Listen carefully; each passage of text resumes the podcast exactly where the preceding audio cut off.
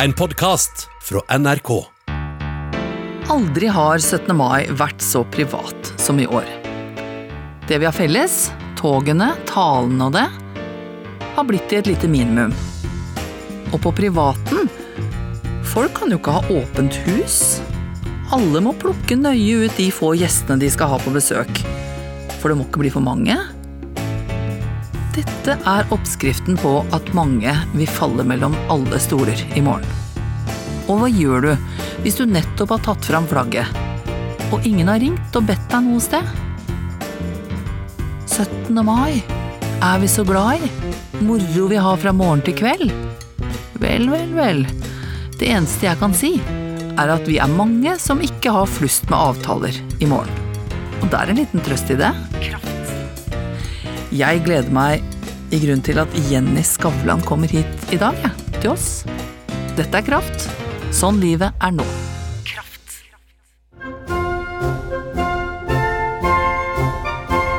Ja, i morgen er det 17. mai, og det er 16. mai i dag, og folk tar fram flaggene sine og håper på det beste. Og inn kommer du, Eva Tryti, psykolog. Gleder du deg til morgen? Det gjør jeg, men det blir jo en veldig rar 17. mai, da. Ja, det gjør det. Jeg har ikke mange avtaler, for å si det sånn. ikke jeg heller. og det, det som er fint, det er jo ikke flaut å si det engang. Nei, for ting er så annerledes nå, ikke sant. Ja, Ja. det er det. Nei, og så sier de vi får gjøre det beste ut av det, og 17. mai blir på TV, og jeg vet ikke hva. Men det er jo noe med det, som jeg allerede har sagt. Folk kan jo ikke ha svære lag. Og, og, og ting skjer jo ikke uh, midt i byen. Nytter ikke bare å ta med seg flagget og gå ned til byen. Og, og tro at liksom, da er den dagen redda hvis du kjøper en is og ser på toget. Nei, eller sette deg i sofaen og tro at du skal se masse tog, ikke sant. Det skjer, det skjer ikke de tingene som pleier å skje. Nei. Nei. Og da er det også, når det blir så privatisert, Ja. at alt på en måte denne 17. mai skjer på terrassene til folk. Ja. Så kan du ikke bare gå inn på terrassen til folk. Nei, og, og der har vi et problem, vet du. Faktisk et problem som gjør litt vondt. Fordi du må være bedt et sted, og det går ikke an å be så mange. Nei. Hvordan skal vi takle dette her, da? Hvis vi ikke er bedt noe sted, og det ikke skjer noe i byen, og ikke skjer noe på torvet For det første så jeg har en fordel med, Du og jeg har en fordel med at vi har levd en stund, for, for man kan jo huske åssen 17. mai var på 70-tallet, liksom. Hvor det ikke var så innmari mye som skjedde, og hvor litt av det som skjedde kanskje var en liten gruppe som hadde potetløp og, og spilte dart ut på en gressmatte, ikke sant? Eller man har vært fra en liten plass hvor det var et bitte lite 17. mai-tog, og det meste skjedde utendørs, og litt sånn kollektivt. Og det er jo ikke forbudt, Nei. hvis Så man du, ikke er for mange. så du tenker det at man kanskje liksom ser litt grann pent på naboene sine og sånne ting? Ja, det så- går an å arrangere noe litt spontant også. Som for unger og for folk, så noen konkurranser eller noe småtteri. Hvor man ikke står så tett, hvor man ikke er så mange. Det går an å tenke lokalt. Ikke sant? Og mindre. Og mindre. Ja. Mye mindre. Og at ikke Det står jo mange steder med eh, fint norsk flagg på. eh, Barn har skrevet 'det blir bra til slutt', eller 'det blir bra'. Ja, men det blir bra til slutt, og det er mange måter det kan være bra på. Ja, og så tenke at ja ja, annerledes 17. mai i år. Eh, Det blir ikke sånn i de 30 neste årene. Nei. Så det er noe det med det perspektivet. Men jeg tenker jo, i denne tiden som vi har hatt nå denne våren, så tror jeg faktisk at mange har måttet tenke over en del sånn type vennskap. Mm. Hvem er nære, hvem er fjerne? Hvem har jeg, hvem kan jeg Mm. skype med? Hvem er det naturlig å gå tur med? Eh, Hvem, ja, ikke sant? Mm. Og heldigvis har det åpna seg mer, da. Fordi altså, de aller nærmeste vennene, pluss de eventuelt aller nærmeste slektningene, som man kan se nå, de er jo veldig få. Ja. Så, så hvis vi skal kutte ut alle de andre over tid, så blir det vanskelig. For de fleste vennene vi har, er jo ikke så nære. Nei, og vet du, jeg har snakket med folk som sier at ja, det er greit med de der aller nærmeste, de ser jeg jo ofte. Ja. Men jeg har en slags følelse av at jeg har mista hele nettverket Ja, mitt. Altså, lever dem fremdeles? Og så sitter jo en del folk der som, som, som bor aleine og, og ikke har så nære slektninger, ikke har dem i nærheten, og føler at de har mista alle, liksom. Og, og det blir jo helt feil. Så, så nedstengt er det ikke. Sånn skal det ikke være. ikke sant? Det er nesten vanskelig å skjønne at de fins, liksom, når man ikke har sett dem på veldig lenge. Nei, men nå er det jo mange måter å se folk på, da. det har vi jo skjønt både i jobblivet og ellers. Det er faktisk mulig å se folk, også de som er redde, så redde eller så isolert pga. helse, at de faktisk ikke kan gå ut og se på et lite potetløp engang, med god avstand. Det går jo an å sende et festtelegram, som man sa i gamle dager, i form av å sende små hilsener på FaceTime og, og inkludere da, på andre måter. Det er sant. Det gjør en forskjell, vet du. Men du, jeg tenker på det, eh, det som vi da kaller kanskje, jeg vet ikke, nettverk, eller altså Mm. bekjente eh, omgivelsene mine, Ja. som jeg føler har blitt ganske langt vekk nå. Ja. Eh, Jeg har aldri tenkt på hvor viktig det er. Med de der tingene som er litt sånn på avstand. Du kan si at de, aller nærmeste, noen er nære, nære fordi de er skyldfolk, fordi de er nærmeste slekta, ikke sant? Vi faktisk lever med noen. Skyldfolk. Skyldfolk sammen i gamle dager, de du skyldte noe, enten du likte dem eller ikke. De aller nærmeste i familien din, ikke sant? sant. De, de, det er liksom en forpliktelse der. Ofte liker vi dem òg, da, det skal jo sies, men dem ser vi hvis vi har nærfolk. Mm. Vi bor rundt, ikke sant. Men eh, du kan tenke deg at det, de fleste av de vi har glede av til hverdags, det er det som gamle, gode Aristoteles kalte nyttevennskapene våre. Og morovennskapene våre, eller han sa nytelsesvennskapene våre. Er det de som er sånn De er lenger borte, Ja. men, men de er viktige. De er mange. De nære, og de vi virkelig liker aller best, bestevennene, liksom, de er få. Det er én eller to eller tre, det. Men de der nyttevennskapene, det er liksom det vi lever med til hverdags, og de er plutselig veldig borte. Er det de du kan liksom bare spørre fordi du møter dem egentlig på butikken, så sier du du, jeg- skal i gang med å lage en sånn platting dette året, jeg vet du har gjort det, hva, hva gjorde du? Altså litt sånn? Jo, da, da driver du og trekker inn en ny nyttevenn, hører jeg. Men, men tenk deg mannfolk, eksempel. Mange mannfolk, de kompisene de har. Det er nærere vennskap enn de later som, kanskje, men, men de gjør ting sammen. Det er sånn 'Å, du, jeg skulle gjerne hatt litt hjelp med, og har ikke du?' Og, og så, så gjør man noe sammen. Og da er det plutselig mindre kleint, og så klarer man å opprettholde et vennskap. Og den typen vennskap hvor man har glede av hverandre, har litt felles interesser eller gjør noe sammen. Det kalles også du og jeg og tingen på psykologisk språk. Det er mindre kleint. Altså tingen er da Noe tredje. Hvis du og jeg sitter på en kafé, du og jeg klarer å sitte og skravle på en kafé. Og Vi er snakker om følelser Ja, vi er damer og snakker om hva som helst, ikke sant. Men mange syns det er vanskelig å sitte rett fram på en kafé med en kaffekopp og prate med et menneske. De må gjøre noe sammen. Og alle de du gjør ting sammen med, du trener med, eller du går på strikkekafé med, eller du stikker innom for å høre om en oppskrift, eller hva, hva det nå er, det er nyttevennene dine.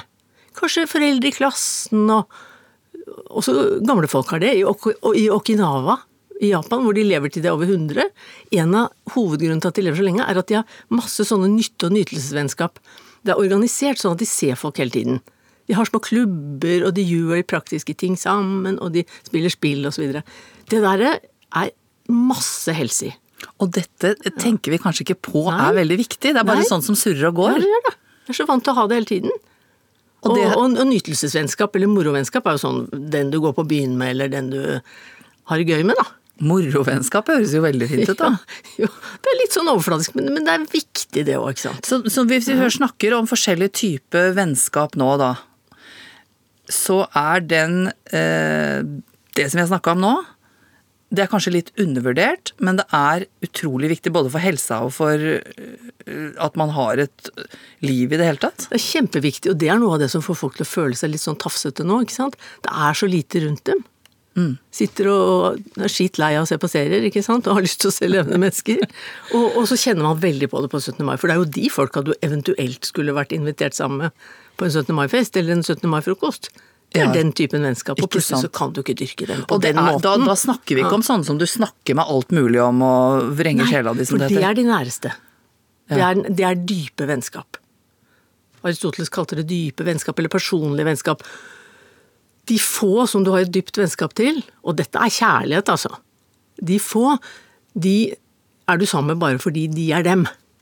Dere bør ikke ha noe felles, og dere kan ha, ikke ha sett hverandre på tre år fordi dere bor i hver deres by eller hvert deres land, men når dere møtes, så er det samme stemningen. Men du, du snakker ikke om Det er ikke det samme, altså disse første. Er det bekjentskaper? Nei, det kan, det kan godt være vennskap som går over tid. For bekjentskaper er liksom enda løsere, kan du si. Altså det er utafor der igjen, egentlig? Ja, litt. Det er mer sånn på butikken. Ja, litt på butikken, ja. Ja, Ja. litt sånn. Så, men det er De Fordi du kobler deg litt til på en eller annen måte av en eller annen grunn. Det er vennskapene, liksom. ja, Og hvor mange har man av de der? da? Og det varierer så enormt. Og folk tror jo liksom at man skal Man burde ha mange nære venner. Du har ikke det de sier, altså Disse som eh, filosofene og vennskap sier at har du én, så er du heldig, har du tre, er du rik. Ja, nå snakker du om de de aller nære, nærmeste. de nære vennskapene. Så hva er det du sa for noe? Har du én, er du heldig? Er du heldig, er du, har du tre, så er du rik, ikke sant. Oi, Det er sjeldent. nå begynner man å sitte og telle opp i hodet Ja. sitt. Altså, Altså, jeg de trodde, aller nærmeste. Ja, for jeg trodde kanskje man hadde en seks, sju, åtte, eller Jo, men da er det kanskje en sånn liten blanding at man snakker godt sammen, og det er litt sånn ytelsesvennskap og litt ditt og litt datt, ikke sant. Men de som er sånn helt sjelevennene dine, ikke sant. Hva er forskjellen på det da? Er det en type forpliktelse, eller er det Nei, altså Sjelevennskap, det er, det er en, nesten som en forelskelse, holdt jeg på å si. Det er en Det er en samstemthet, altså det er en nærhet. Det er noe som, du, som ikke er så lett å forklare. Og vi snakker hele tiden om vennskap nå, ikke sånn Ja, kjæresteforhold. nei, men altså Kjærlighet i min verden, vet du, det er å ville hverandre vel, og føle med hverandre når det går vondt, er vondt, og ønske å være sammen. Altså, Det er kjærlighet, ikke, altså, du- ikke forelskelse og begjær og sånn. Det er noe annet. Hvis vi, I Hollywood har vi jo lært å snakke om kjærlighet som parforhold, ikke sant? ja. Ja. Men, men kjærlighet kan også være altså til Til venner, ja ja. Ja. Ja. Og slekt, nære slektninger. Man, man elsker jo vanligvis sine barn og sine aller nærmeste, ikke sant? Men ofte så sier man jo, ikke sant, etter en vanskelig tid, man har vært i sorg eller et eller annet eh, skilsmisse, eller, Mm. eller en sånn tid som vi har hatt nå, kanskje, hvor man sier nå, nå skjønte jeg hvem vennene mine var. Jo, men det er sant. Men, men det går også litt på sånn moralske halt. Du kan godt være en litt mer perifer venn, og allikevel stille opp på en måte. Altså vise empati, vise vilje til å gjøre noe for folk. Og det er jo det vi kanskje spør etter på 17. mai nå også, da. At hei, tenk deg om. Altså du kan sitte og være litt lei deg sjøl fordi det ikke er en vanlig 17. mai, men, men husk på de som, eh, som du er glad i, som, som ikke har noen nå, fordi de sitter innesperra eller ikke har nær slekt, eller er bortreist, ikke sant. Så det betyr Ja. at du skal ikke egentlig bare satse på den ene bestevennen eller de Nei, to, eller nei, sånn. nei. Hvis du ikke har dem, liksom, så, Nei, så er du lost. Men det er ikke sånn. Du, du, vi, satser, vi satser på alle slags vennskap. Ja, for det er jo veldig forskjell på folk, og da tenker jeg da går det egentlig på personlighet, da. Ikke på kanskje så mye hvor hyppig dere er sammen, men, men eh, altså disse nytte... det går på relasjon, båndene, ikke sant. Hvilken type bånd man får til folk. Ja, og hvis det er da empatiske folk, Ja. som er i den derre nytte, nytelse Ja, ja, utpå der ja, så eh, merker du det fort. Ja, og Da, da er det kanskje noen som har opplevd at de har blitt tilbudt og skal vi skype og skal vi holde på? Ja. Skal, vi, skal vi nå øh, lage en frokost på 17. mai ute på terrassen din eller min eller Jo, og samtidig, ofte så er det jo sånn man, man har tenkt å lage 17. mai-frokoster med de man pleier å lage det med, eller folk man syns det er moro å feste med, osv. Man tenker litt i den leia, det er festdag, liksom. Men, men derfor sier jeg litt sånn litt mer sånn 70-tall. Litt mer smått, og husk å sende festtelegram, som jeg sier. Altså, Altså 70-tallet mener du da at det var ikke noe moro da, liksom? jo, det var moro, vi hadde ikke så store forventninger. Og mange bodde på små plasser hvor det var bitte lite tog og bitte liten eh, noen leker for eh, barna på kvelden og man satt med en liten piknik eller sånn, ikke sant. Og også det var ikke så mye som skjedde på TV, det var liksom Det var ikke så mye, da. Og det, Altså- og det var absolutt ikke så mye som champagnefrokoster, for å si Nei, det for sånn. at vi var jo glad når vi var barn. Fikk vi eggerøre og Ja, kakao, så var det fest. Liksom. og de voksne syntes det var hyggelig å stå og se på ungene som, som hadde potetløp, ikke sant. Altså det, det handler rett og slett litt om ta det litt ned, da. ta det litt ned, og husk at det også er fint, da. Og, og det verste er at det kan være vel så fint noen ganger òg. Pluss at når du da kan ta den champagnefrokosten igjen om et år eller to, da kommer du til å være henrykt, ikke sant. Man må jo fratas noe for å sette pris på det igjen. Men du, hvis man ikke har gjort noen avtaler Ja. Nå er det jo veldig forskjellig, noen bor jo på veldig små plasser. Ja. Men det kan jo være at det da går et, eh, står et korps på et torv. Gå ut! Og da går det an å gå dit, og da Ja. plutselig så er det jo et eller annet menneske du Ja. kjenner Og han ja! Ikke sett Ja, på en stund, ja. Går en meter fra og Ja. liten prat. En liten prat. Og, og så er det jo en del som også drar ut i skogen nå. Det kommer til å være ganske fullt mange steder i skogen nå, med hengekøyer og flagg og, og, små flasker. Det går an å ta seg en tur ut der òg. Kanskje blir det nærmest sånn hengekøyetog nærmest litt rundt i skauene nå, altså. Sang fra hengekøyene i de tusen trær, Ja. ikke sant. Men, men eh, kan vi koke dette ned til på en eller annen måte? Altså, hvis man står nå og stryker flagget Moren min strøk flagget, hun skjønner du, Ja, ja, Det syns jeg var litt stas. Det gjør jeg jo. Ja, du gjør det, ja. Eh, altså hvis man står og stryker flagget eh, og tenker at eh, hva blir nå dette, annet enn meg og flagget mitt? så er det noe med å tenke eh, Det blir kanskje ikke mitt livs 17. mai, men det kanskje blir bra nok. Og, og kontakt, det er lov å kontakte folk og si sånn hei, hva skal dere, og, og ikke gi opp fordi tre av fire har noen planer eventuelt. Ikke gi opp, bare snakk med flere. Og hvis du ikke finner noen, så sett deg ned med flagget ditt og se på det som er, og, og send små hilsener eh, på FaceTime og sånn til folk du vet sitter der. Og så tenker, jeg, tenker jeg hvis man ikke har eh, Hvis man vet om én da, som ikke har noen avtaler Ja, men så lag den avtalen, ikke sant? Ja, og det er ikke tragisk med en frokost med to mennesker. Overhodet ikke. Og det er det Hvertfall jeg ikke i år. Nei, det er det, nei, men jeg syns ikke det er tragisk i det hele tatt. Ta det ned. Og husk på, altså halvparten av oss er ikke så veldig utadvendte, vi er heller innadvendte. Vi liker at det er litt færre mennesker og litt roligere. Det er ikke noe gærent i det. Det er fint. Og så må jeg si at NRK gjør jo en skikkelig innsats i morgen. Ja, jeg tror vi jeg kommer på. til å bli overraska. Det, det gleder jeg meg til. Men så er det jeg dette klokka ett-greiene. da. Vi skal synge, gå ut på Kan Ja. det bli litt pinlig, Ja, eller? Nei, pinlig. Jeg tror det blir flott, jeg. Tror du det? Skal Ja. du gå ut? Ja, ja. Og da uavhengig av mange du har rundt deg, så, Ja. så stemmer du opp. Ja, ja, ja. Klokka ett. Klokka ett skal det stemmes opp. Ja, vi elsker. Ja, ja, ja. Ja, vi elsker dette landet. Det Og blir bra hverandre. nok i morgen. Og vi elsker hverandre ganske mye òg, da, når det kommer til stykket. Takk skal du ha, Eva Tritri. Jeg blir ikke gammel i kveld. Jeg kjenner det, ja, det kjenner jeg. Jeg Hadde tenkt meg opp tidlig i morgen, bare for nå ut av dagen. Vet ikke hvilke planer dere har, eller om dere har tenkt over saken. Er dere i det hele tatt klar over hvor mye klokka er? Og vi er stilte til tekst-TV, og den er på slaget nøyaktig på sekunder. Jeg går og legger meg, bare så veit om det. Nå går iallfall jeg og legger meg, det er greit. Hvor lenge tenker det sitte? Jeg må bare sitte for min del. Ja, bare sitt. Det hadde vært fint hvis jeg kunne dempe dere litt. Det er gammelt hus her, det er lutt. Og vi husker at det kommer en dag. Kommer en dag i morgen. Hver og en har sin plass, sine plikter. Han skal igjennom. Og da er nattesøvn alfa og omega. Jeg sitter ikke her og kneker. Jeg går og legger meg, bare så du veit om det. Nå går iallfall jeg og legger meg. Det er greit.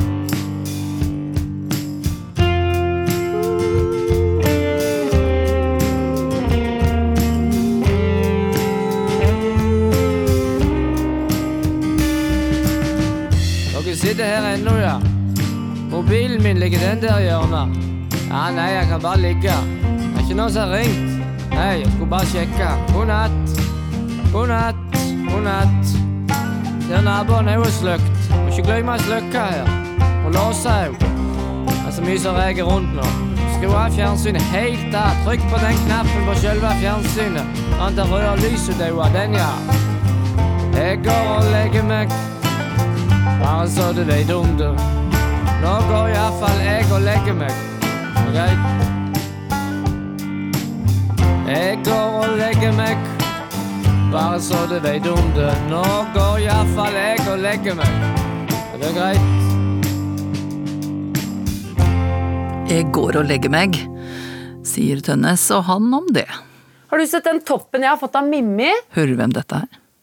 Hvordan skal jeg vite hvilken topp du har fått av Mini? Jenny Skavlan. Den er, den er ganske sånn, den er sånn puffy ermer og masse snøring og greier. Du har kanskje sett den der Eh, avkledd-serien? Nei, men du har jo klær i hele huset. Men Skal du drive og fylle huset med sy syprosjekter da, i lang tid, eller hva? Thomas, det er ikke et syprogram. Det er et program om klær. Det vet du. Jeg elsker klær. Folk har jo blitt så inspirert av den serien. Og ikke være så innmari trendslaver. Ja, ok. Men du, du kjøper jo sånne nye ting og følger trender og sånn, går inn på Instagram og sjekker eh, hva folk har på seg sånn hele tiden? Ikke hele tiden. Jo, hele, nesten hele tiden. Du er veldig opptatt av det. Jeg er litt opptatt av det. Du er veldig opptatt av det, og nå er du her, jente. Ja. Du vet at dattera mi er 21 år, bor i jentekollektiv på Majorstua.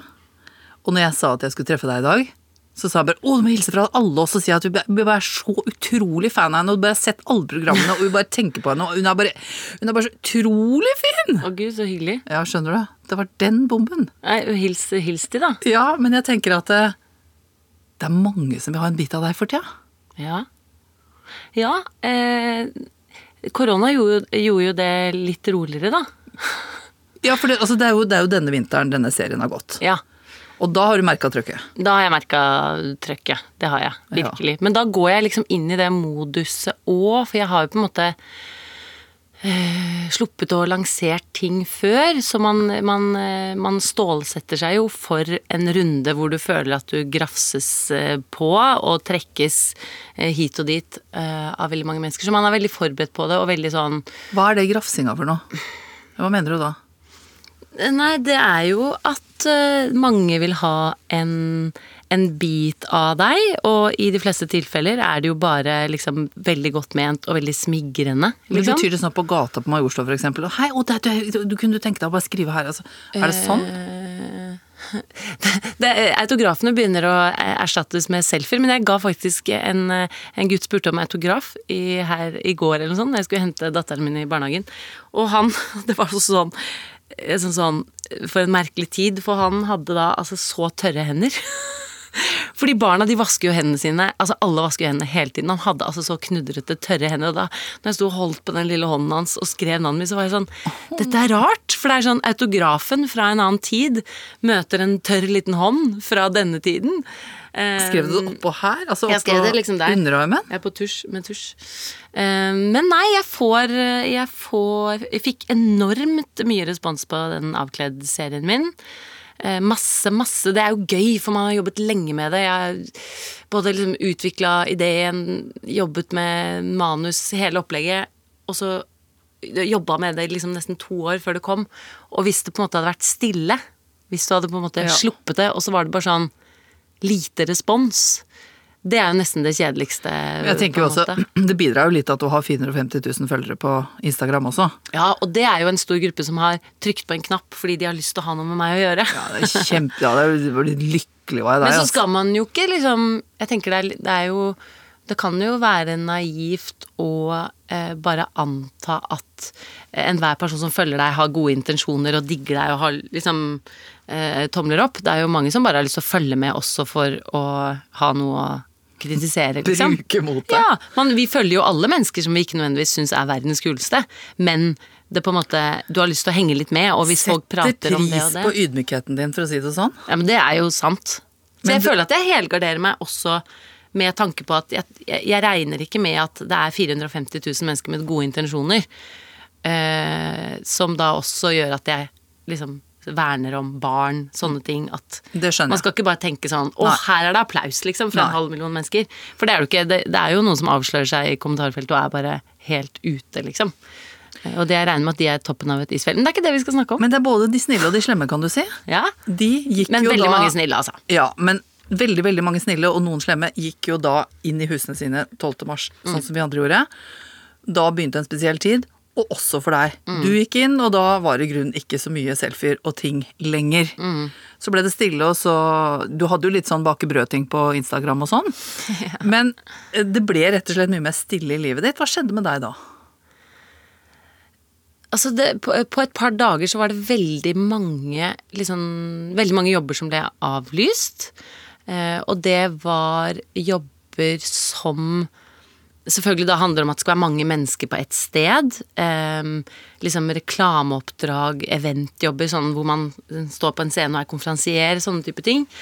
Veldig mange jobber som krever liksom eh, mange jobber som man er litt nervøs for. Som man kanskje i underbevisstheten går rundt og er litt sånn Man er litt sånn kort i lunta sånn fordi man egentlig går og gruer seg litt til noe. Og så er det noe uken etter òg, så du på en måte Du har liksom noe hver uke som du som, som du på en måte gruer deg litt til, selv om det er på en måte masse positive ting eh, med de jobbene. Men det krever liksom at du, du må liksom hente frem en sånn eh, underholdningsside av deg selv. Og når alt det ble avlyst, da, da følte jeg at jeg, jeg plutselig så Det var som en sånn tåke som letta.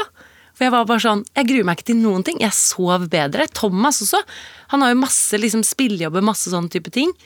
Eh, mer sånn prestasjon, Det er jo et ganske sånn prestasjonsdrevet yrke, hvor folk forventer at du på en måte Du skal ikke bare avlevere et produkt i form av at du, du tegner eller skriver eller sånn. Du skal, produktet er eh, meg, og det jeg sier og det jeg gjør, og liksom eh, Så det er ganske sånn Så freden senka seg, Freden senka seg. og grueheten gikk bare ut av ventilene, liksom, av huset.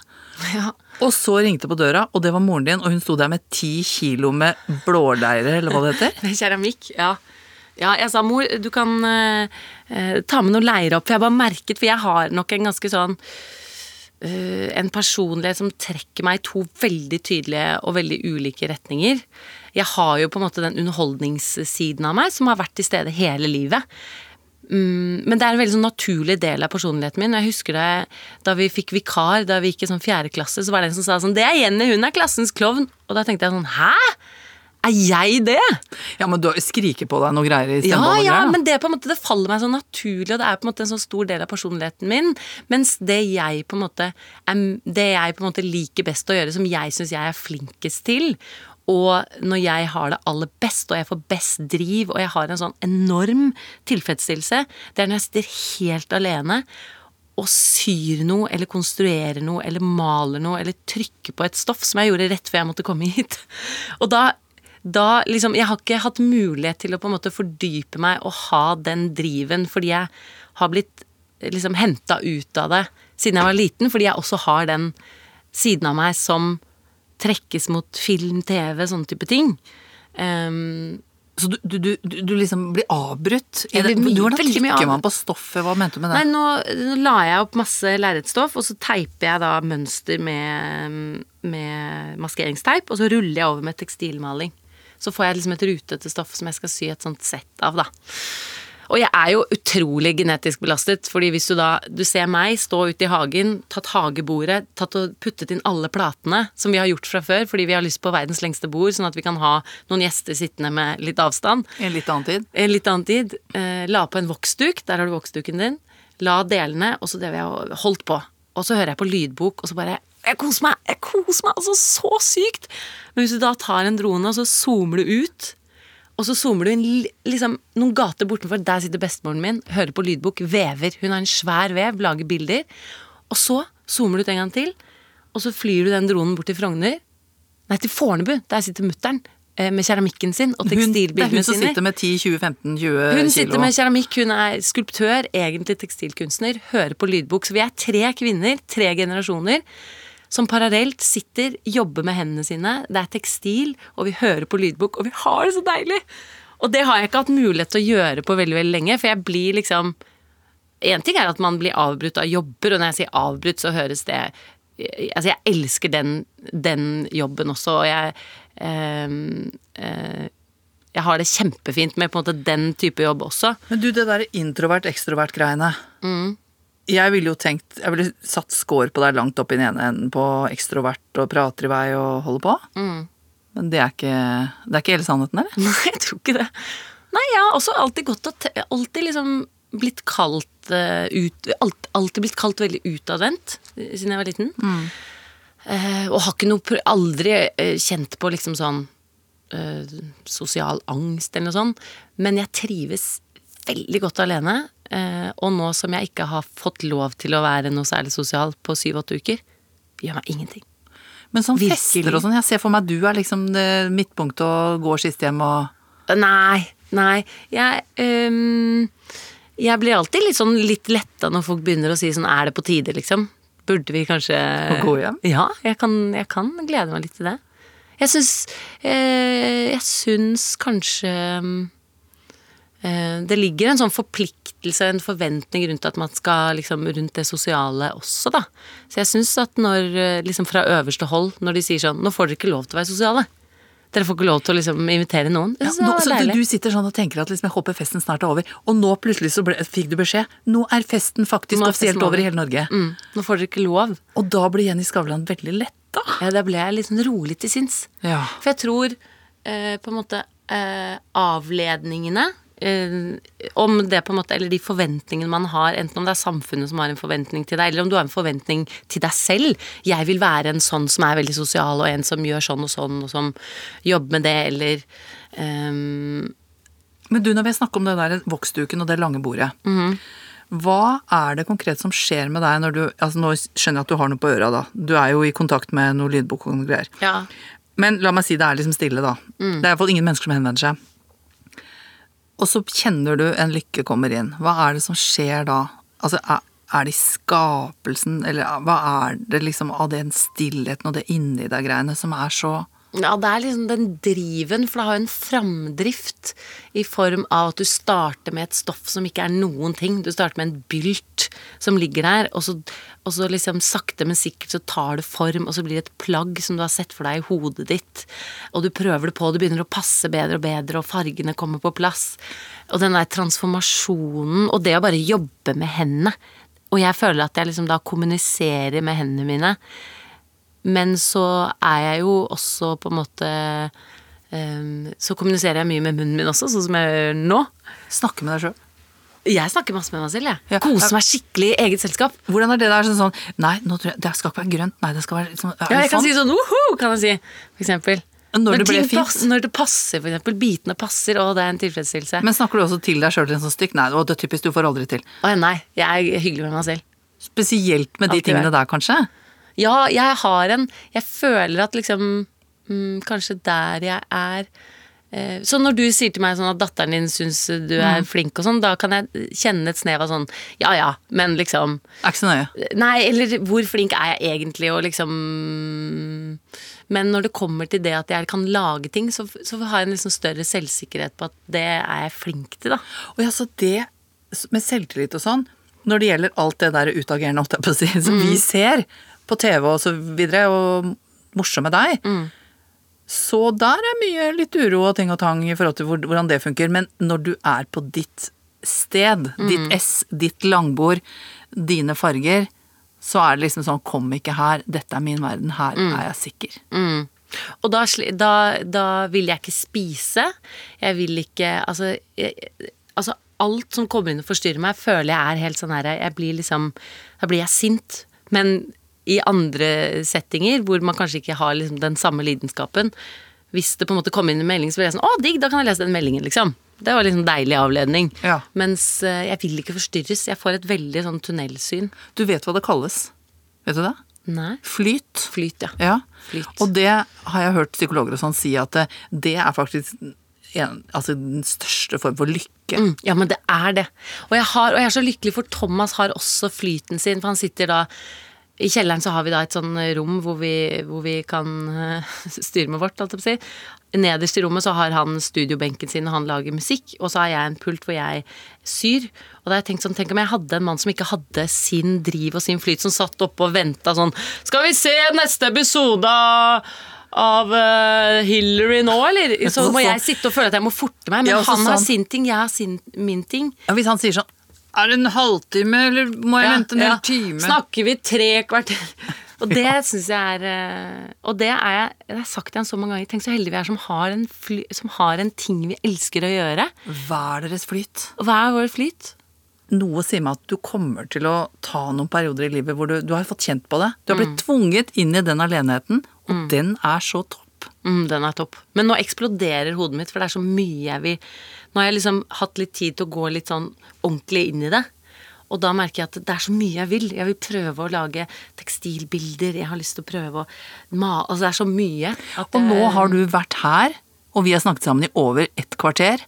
Så nå må du egentlig forte deg rett hjem til voksduken og greia di, Ja, og holde de på et par på- timer. Nå henger de på dusjen, alle de bitene som jeg har trykket, eh, og tørker.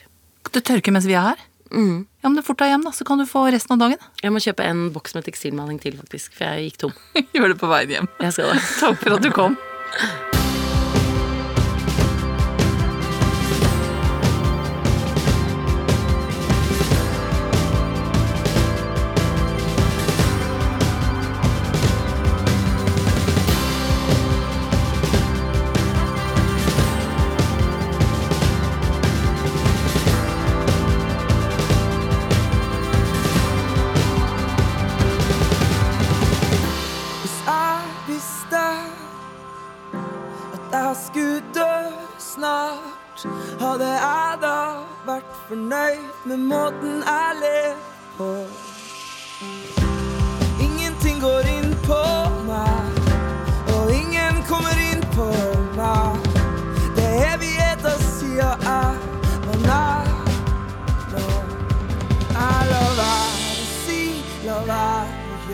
la være å vise, la være Føler jeg har kjent meg mye mer i livet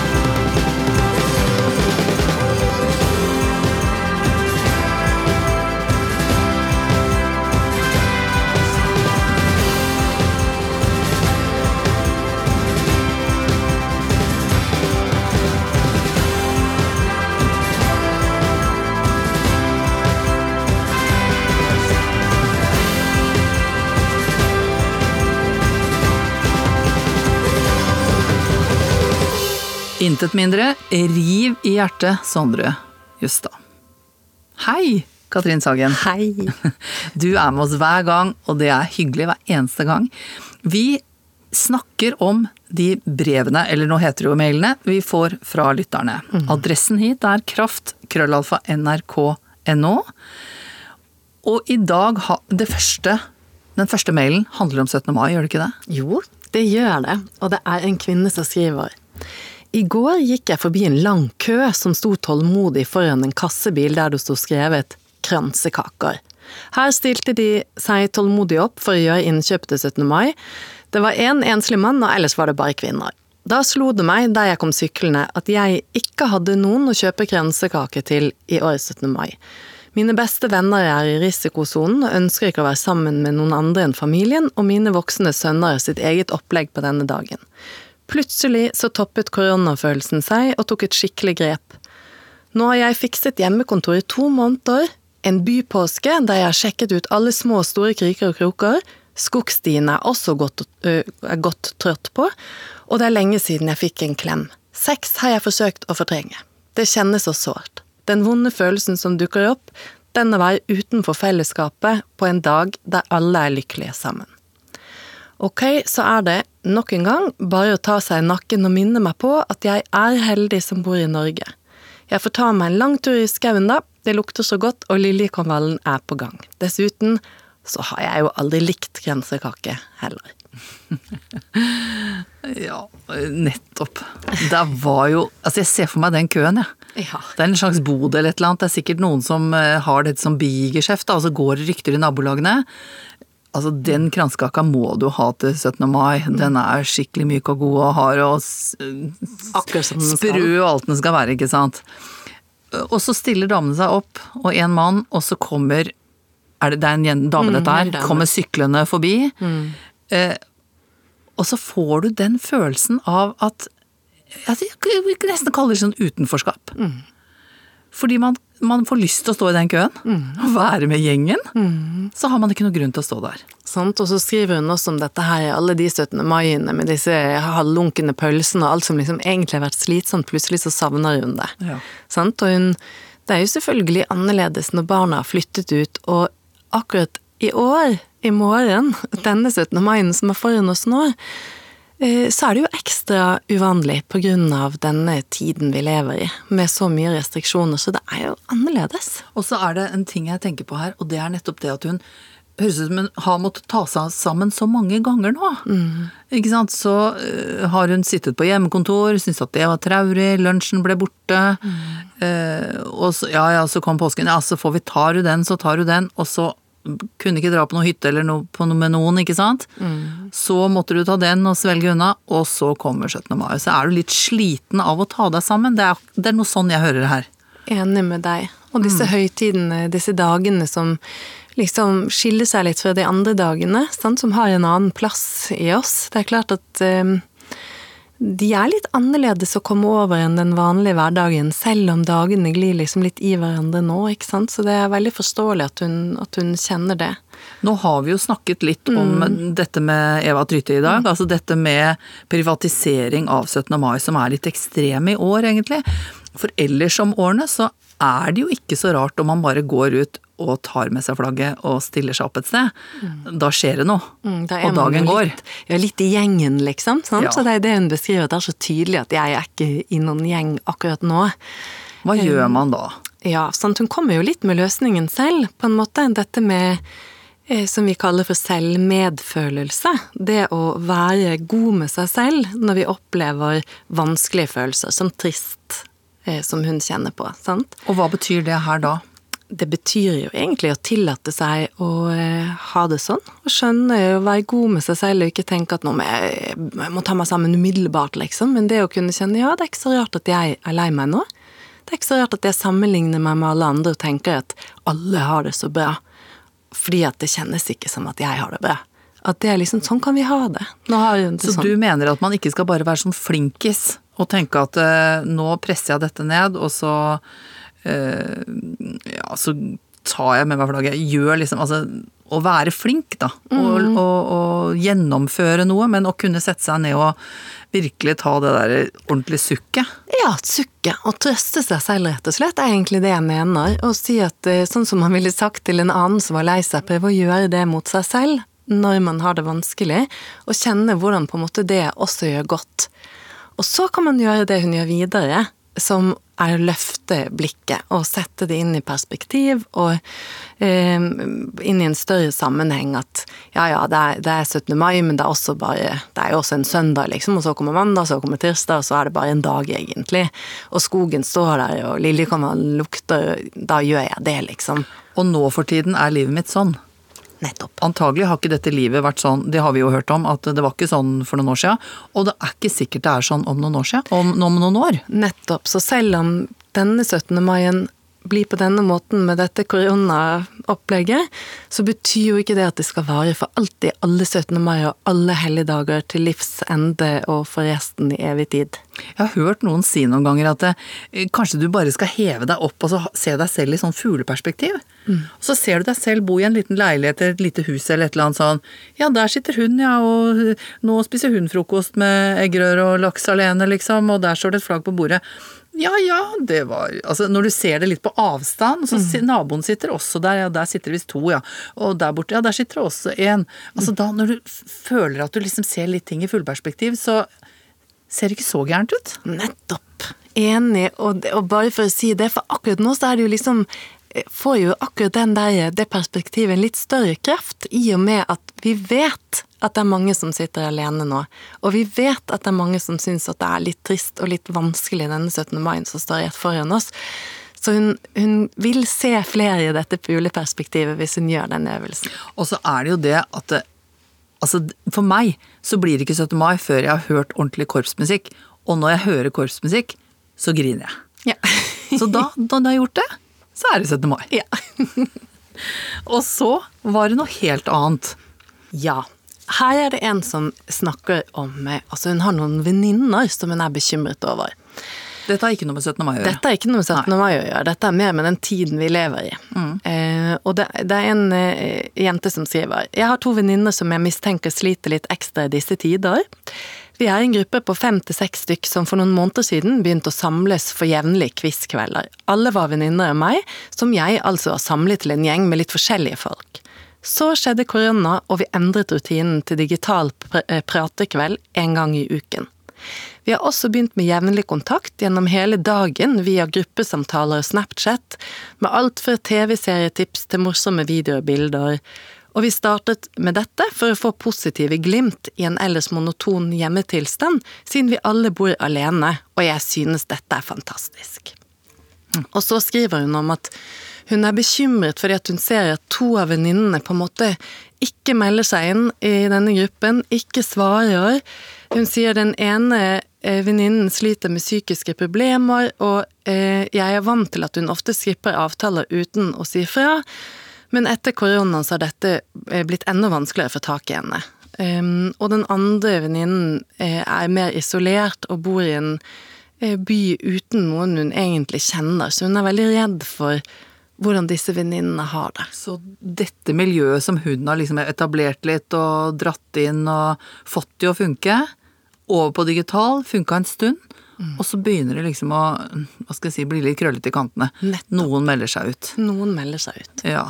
For da sier hun jo da mot slutten her at, at hun har så dårlig samvittighet fordi at hun føler at hun liksom prøver så hardt hun kan å dra med alle i denne gjengen, men så sakker liksom spesielt disse to unna, eller de blir unnvikende, og så sier hun 'jeg orker ikke mer', jeg er liksom oppbrukt selv, jeg orker ikke engang følge opp min egen mormor, hva kan jeg gjøre, jeg har ikke kapasitet til å hjelpe dem.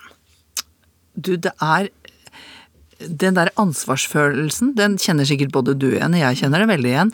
At du føler at du må dra i gang, du må sørge for at alle har det bra, at alle er glad. Ja. Og så blir du så sliten av det. At du bare går helt i frø noen ganger.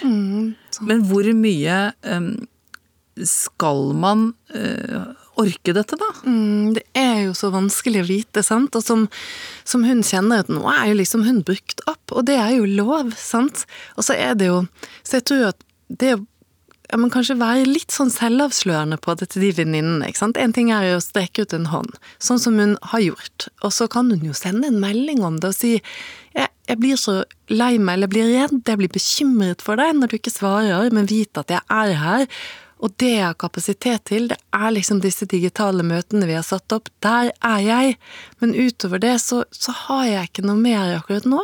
Du, nå skal jeg spørre om noe som jeg er veldig usikker på. Jeg vet ikke om det går an å svare på det engang, men kan man gi det andre mennesket litt ansvar tilbake og si at vet du hva, du plager meg med at når du blir så borte og sånn, så blir jeg stressa?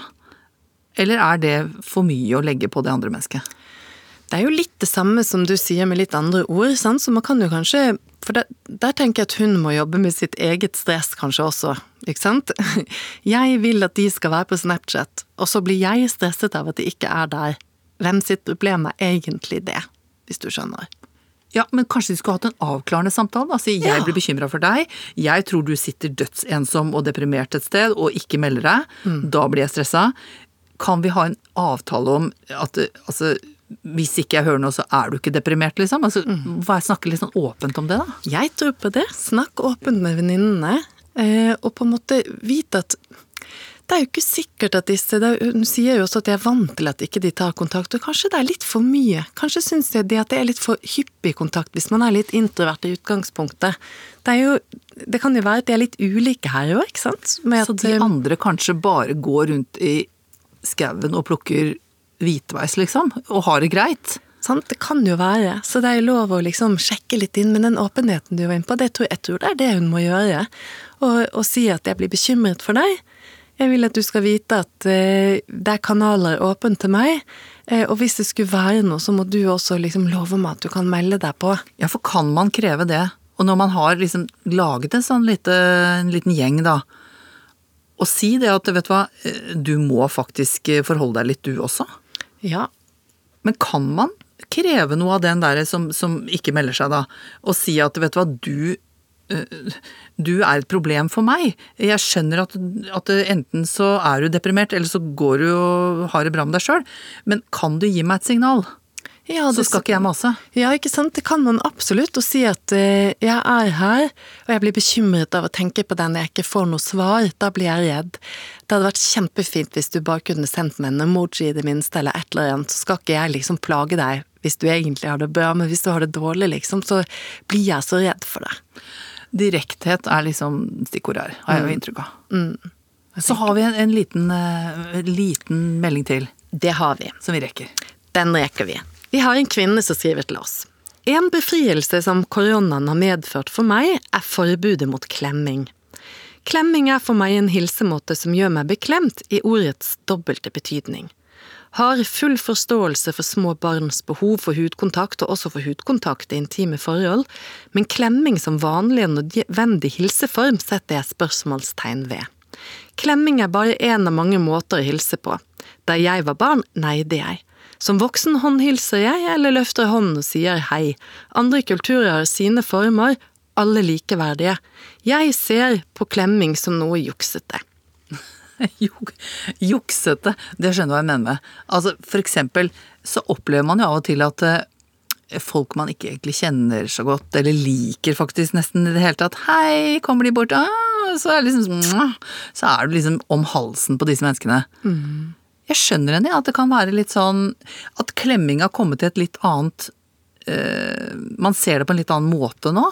Litt utenfra. Hva er det vi driver med, egentlig? Ja, det er jo noe annet, og jeg, og jeg, liksom generasjonene har jo kanskje tatt det mer og mer inn som vanlig, ikke sant? At klemming for noen er mer intimt, eller vi gjør det bare med de nærmeste. Det har blitt mer og mer klemming. Det har blitt mer og mer klemming. absolutt. Det jeg tro det var mindre for ti år siden, bare. Ja, det tror jeg nok, og det har blitt mer og mer vanlig å si eh, 'jeg er glad i deg' og 'jeg elsker deg' og sånne type ord. Sånne direkte ytringer er også mer og mer vanlig nå, sammenlignet med tidligere.